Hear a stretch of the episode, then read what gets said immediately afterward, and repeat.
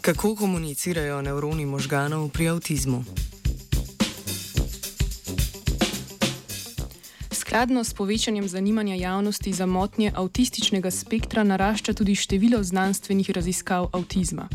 Kljub temu je še veliko neznanega o tej skupini nevrološko-razvojnih motenj. Raziskava japonskih in ameriških raziskovalk in raziskovalcev nas opozarja, da celice v možganih pri avtizmu morda niso organizirane tako, kot smo verjeli do sedaj.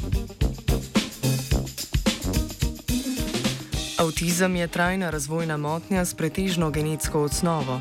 V redkih primerjih ga povzroči en sam vzročni gen. Običajno gre za interakcijo mutiranih genov posameznih nukleotidnih različic, ki so normalen pojav tudi pri otrocih brez razvojne motnje in okoljskih dejavnikov, ki jih večinoma še ne poznamo.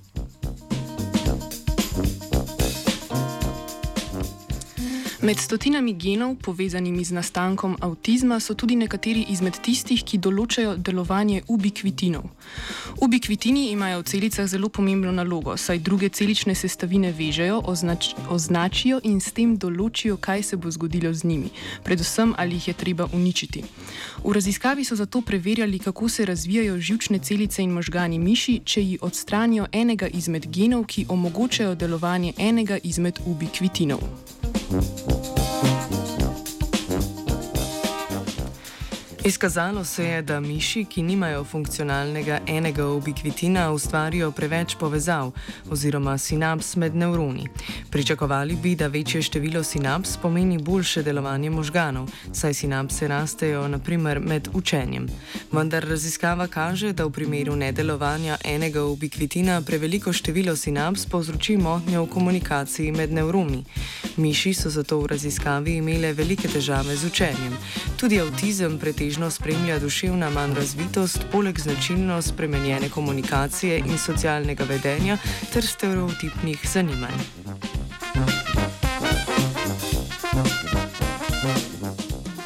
Večje število sinaps pri miših so opazovali v malih možganih.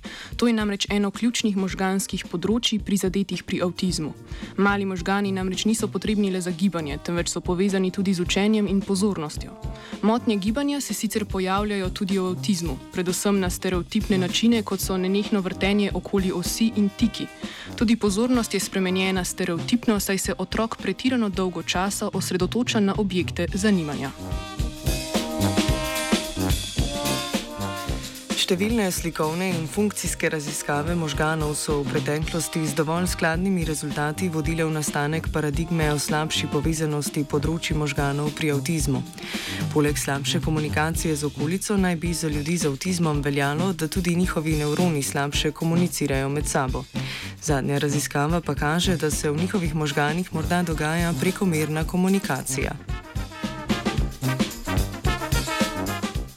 V komunikacijo z nevroni se je spustila Maja. Če bodo začele padati atomske bombice, bom verjetno najprej premenjal hlače.